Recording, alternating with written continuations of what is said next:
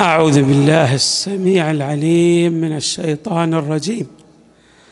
بسم الله الرحمن الرحيم والحمد لله رب العالمين والصلاة والسلام على أشرف الخلق سيدنا ونبينا محمد وآله أجمعين الطيبين الطاهرين. لا زال الكلام موصولا في البرنامج الذي طرحناه برنامج خطوات لعلاج الوسواس القهري. انسان كيف يتخلص من هذا الداء الوبيل؟ كان كلامنا في الخطوة رقم ثمانية وهي البناء على صحة العمل الذي يأتي به الإنسان ولو كان يعلم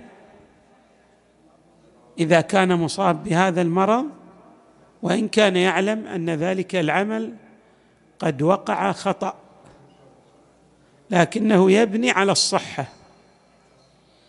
بل أكثر من ذلك بعضهم يظن أنه تعمد فعل ذلك الشيء الخطأ. نتيجة لإصابته بهذا المرض حتى في هذه الحالة أيضا يجب عليه أو ينبغي له أن يبني على صحة عمله. الشارع المقدس وضع لنا حلول. إذا سار الإنسان على ضوء هذه الحلول التي أعطاها الشارع المقدس ليس فقط يشفى من المرض والداء الذي أصابه بل أيضا يدرك في عمق وجوده أنه يعيش حالة من الطمأنينة والارتياح. نشوف مثلا الشارع المقدس أعطانا قاعدتين أو قاعدة بناء على اختلاف العلماء. قاعدة اسمها قاعدة التجاوز وقاعدة أخرى اسمها قاعدة الفراغ. الآن أريد أن أشير إلى قاعدة التجاوز. قاعدة التجاوز يقول العلماء. إن هذه القاعدة فيما إذا كنت أنت أيها المكلف في عمل فلنفرض أنك في الصلاة. تجاوزت الركوع وماذا؟ دخلت في السجود. فشككت في أنك مثلا أتيت بالركوع ولا ما أتيت به؟ تبني على أنك أتيت به. ما دمت قد تجاوزت ذلك الجزء ودخلت في جزء آخر. تبني على أنك أتيت بذلك العمل بمعنى أنك لو شككت في أي جزء من الأجزاء وقد تجاوزته إلى غيره. فعليك أن تبني على أنك أتيت به. هذه قاعدة مريحة. تريح المصاب بداء الوسواس القهري لأنه بعضهم يشك. يقول مثلا أنا أتيت بالسجود أو لم ات به. أتيت بالركوع أو لم آتي به. يبني على أنه أتى به لقاعدة التجاوز.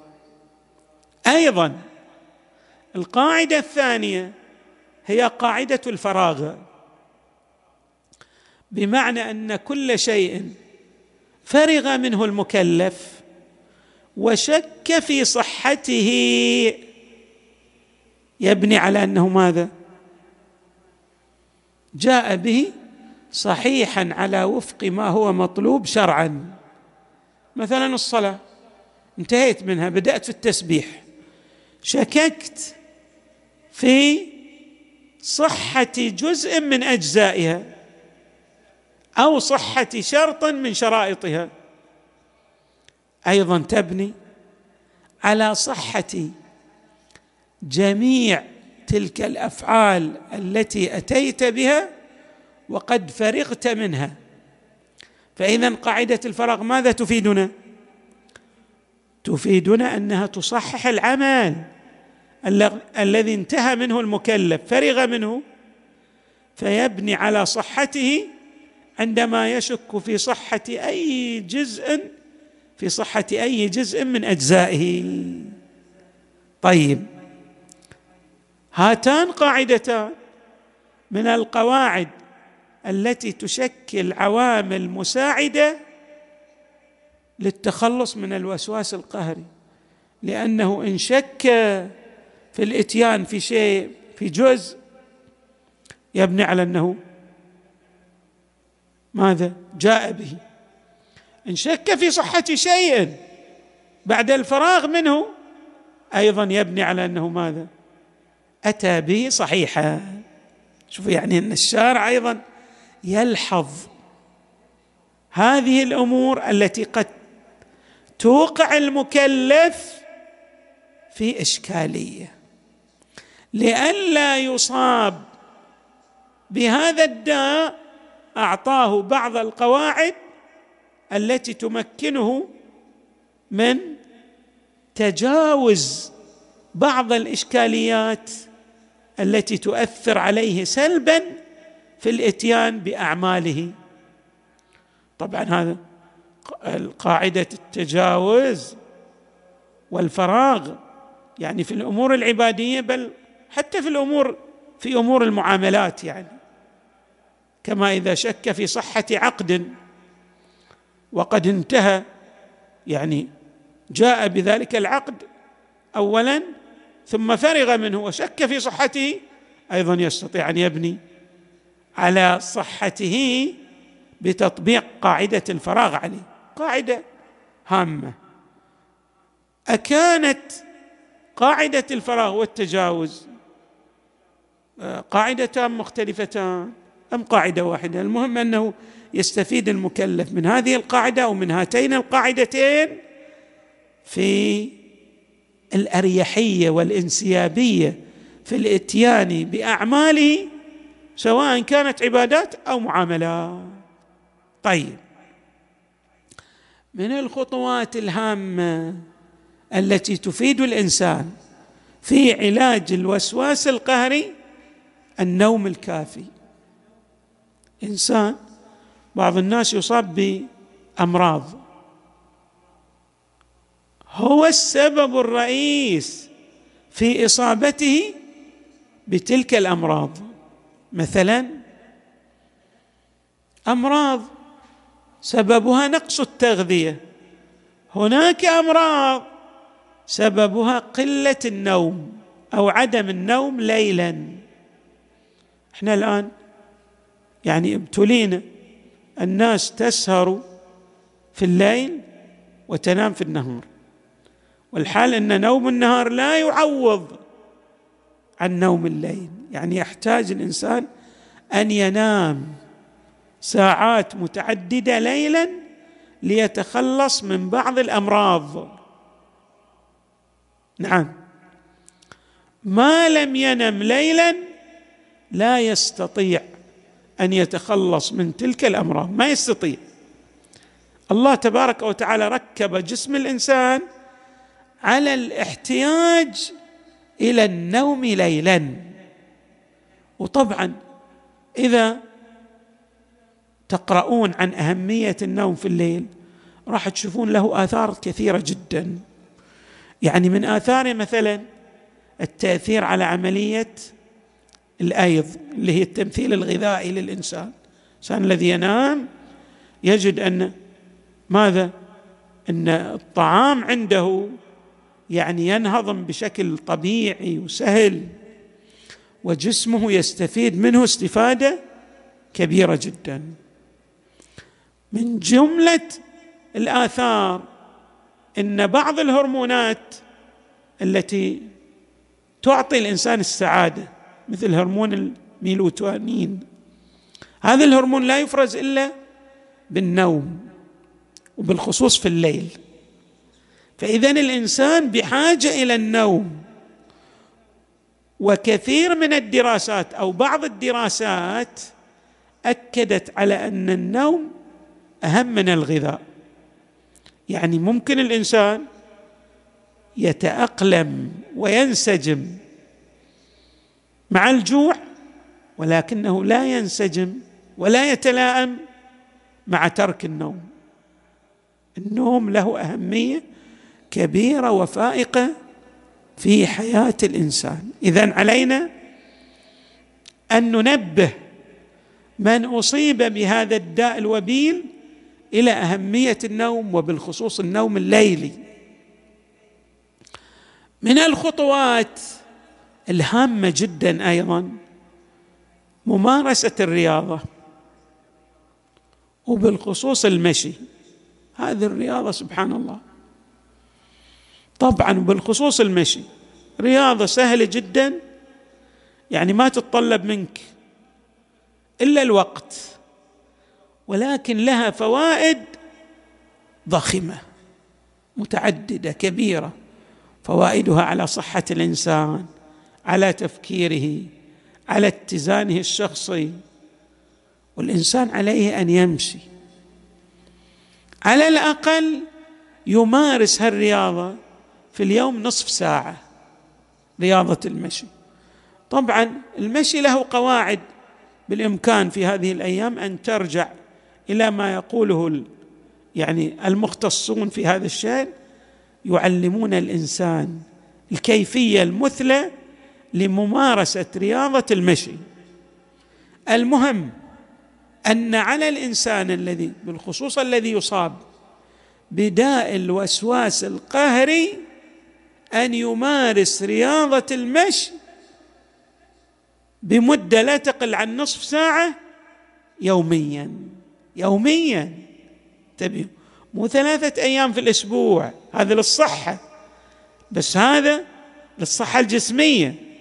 الصحة العقلية تتطلب من لدن الإنسان أكثر من ممارسة المشي ثلاثة أيام في الأسبوع. يمكن تحتاج يحتاج إليها الإنسان أن يمشي ليجعل من شخصيته متزنة نفسيا وعقليا في كل يوم لا يقل عن نصف ساعة. مهم جدا المشي. طبعا بإمكان الإنسان أيضا إذا أن يشغل هذا الوقت الذي يمشي بالطاعة والعبادة. يعني يمارس الرياضة ولكن بإمكانه ماذا؟ أن يجعل هذا الوقت مملوء بالحسنات بالطاعات بالقرب من الله. هناك أذكار جد هامه على الإنسان أن يمارس هذه الأذكار لأن كيف قلنا إن النوم له أهمية والغذاء المتوازن له أهمية؟ أيضا كذلك الذكر لأن الذكر وقد أشرنا إليه في إحدى الخطوات السابقة هو بمثابه بمثابة الغذاء للروح.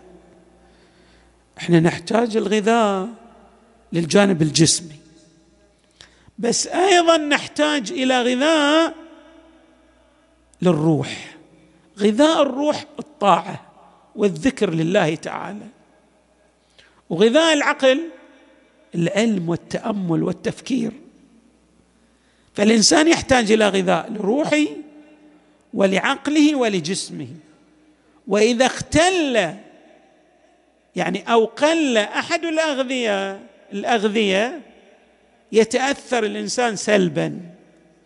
الآن إحنا نريد نجمع بين الصحة الجسمية والصحة الروحية للإنسان. يعني ممكن الإنسان أن يمارس رياضه رياضة المشي ولكنه يملأ هذا الوقت الذي يمشي فيه بطاعة الله تبارك وتعالى.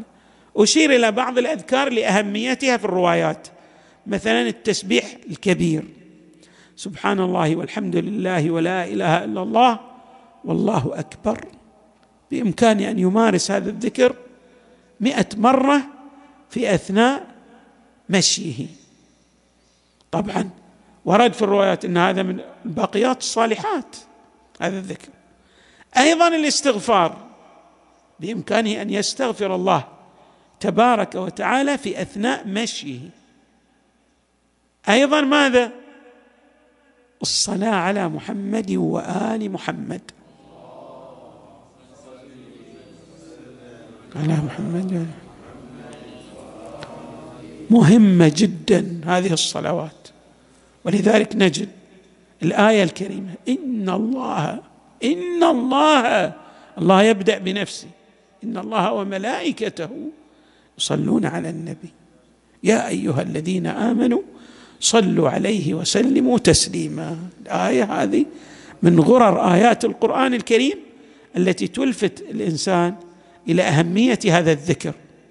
يمكن الإنسان يصلي على محمد وآل محمد. يهدي ثواب هذه الصلوات لروح والده والدته عمه إلى خاله إلى بعض أصدقائه الذين توفاهم الله. وبذلك يصل رحمه. يقدم خيرا يبر والديه. يعني مثل ما نعبر المثال هذا المشهور يضرب أكثر من عصفور بحجر واحد. يمشي حتى يصبح سليما في جسمه. يذكر الله ليكون سليما في الجانب الروحاني من شخصيته ولكن أيضا يكسب طاعات وخيرات ويصل أرحامه. نعم. والله تبارك وتعالى يعطيه كثيرا من الأمور التي لا حد لها ولا حصر. من الأمور الهامة التي يحتاج لها الإنسان أيضا. هذه خطوة جد هامة. وبعض الناس لا يلتفت إلى أهمية هذه الخطوة. آه راح أرجئ هذه الخطوة أبدأ في خطوة غيرها إن شاء الله أتحدث فيها لأن تحتاج إلى شيء من البيان والإيضاحات إن شاء الله في الجلسة. آتي بخطوة أخرى تتعلق بالذكر أو أكمل خطوة الذكر. من الأمور التي أيضا ينبغي أن يلتفت إليها في الذكر قراءة القرآن الكريم. بامكانه أن يقرأ بعض السور القصار مثل قراءة سورة التوحيد سورة إنا أنزلناه في ليلة القدر. سور هذه السور بالرغم من قصرها لكن فيها فوائد كثيرة وكبيرة تعود على الإنسان بالنفع والخير العميمين في دنيا وأخرى بالخصوص سورة التوحيد. نحن نعلم ما يعني مر علينا بعض الروايات التي يذكرها العلماء والخطباء في الثواب الجزيل والأجر العظيم الذي يعطيه الله تبارك وتعالى لمن قرأ التوحيد ثلاث مرات فكأنما ختم القرآن ختم القرآن. النبي لما قال للصحابة من يختم منكم القرآن في كل ليلة؟ أجاب سلمان الفارسي قال أنا يا رسول الله. فتعجب بعض الصحابة منهم فقيل له كيف تختم القرآن؟ قال أقرأ قل هو الله أحد ثلاث مرات. فكأن من قرأ سورة التوحيد فكأنما ختم القرآن. هناك بعض السور أيضا لها تأثير كبير جدا مثل سورة ياسين. بإمكان الإنسان أن يقرأ سورة ياسين هذه السورة العظيمة التي لها ثواب عظيم جدا ولها آثار ويكفينا من آثارها أن الإنسان إذا مات في يومه أو في ليلته يبعث مع الشهداء. ما أدراك ما هذا الفضل. أيضا من السور الهامة التي يقرأها الإنسان وتؤثر إيجابيا في شخصية الإنسان سورة الواقعة.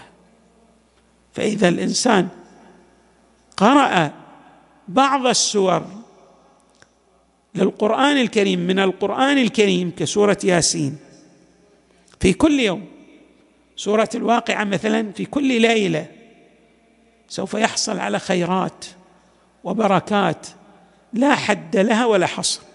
من جملة الآثار مثلا لقراءة سورة الواقعة اليسر في الرزق. يرى نفسه مرزوقا. في كثير من الناس يصاب بهم وغم شديدين. والسبب هو قلة ذات يدي قلة رزقي. ممكن أن يتخلص من الهم والغم والإشكاليات الكثيرة إذا أدمن إذا أدام أدام في كل ليلة أو في كل يوم قراءة سورة الواقعة. هذه سورة عظيمة جدا. وفيها آثار كما أن هناك آثار متعددة لقراءة سورة ياسين أيضا هناك آثار كثيرة وموجودة لعلها في يعني في مفاتيح الجنان. وفي غيره من كتب الأدعية التي تأتي بهذه السور وتذكر الثواب الوارد في الروايات لمن قرأ هذه السور. طبعا هناك خطوات أخرى ستأتينا إن شاء الله لها أهمية كبيرة. نسأل الله تبارك وتعالى أن يوفقنا وإياكم للخير وأن يجعلنا مع محمد وآله البررة الميامين. وصلى الله وسلم وزاد وبارك على سيدنا ونبينا محمد وآله أجمعين الطيبين الطاهرين.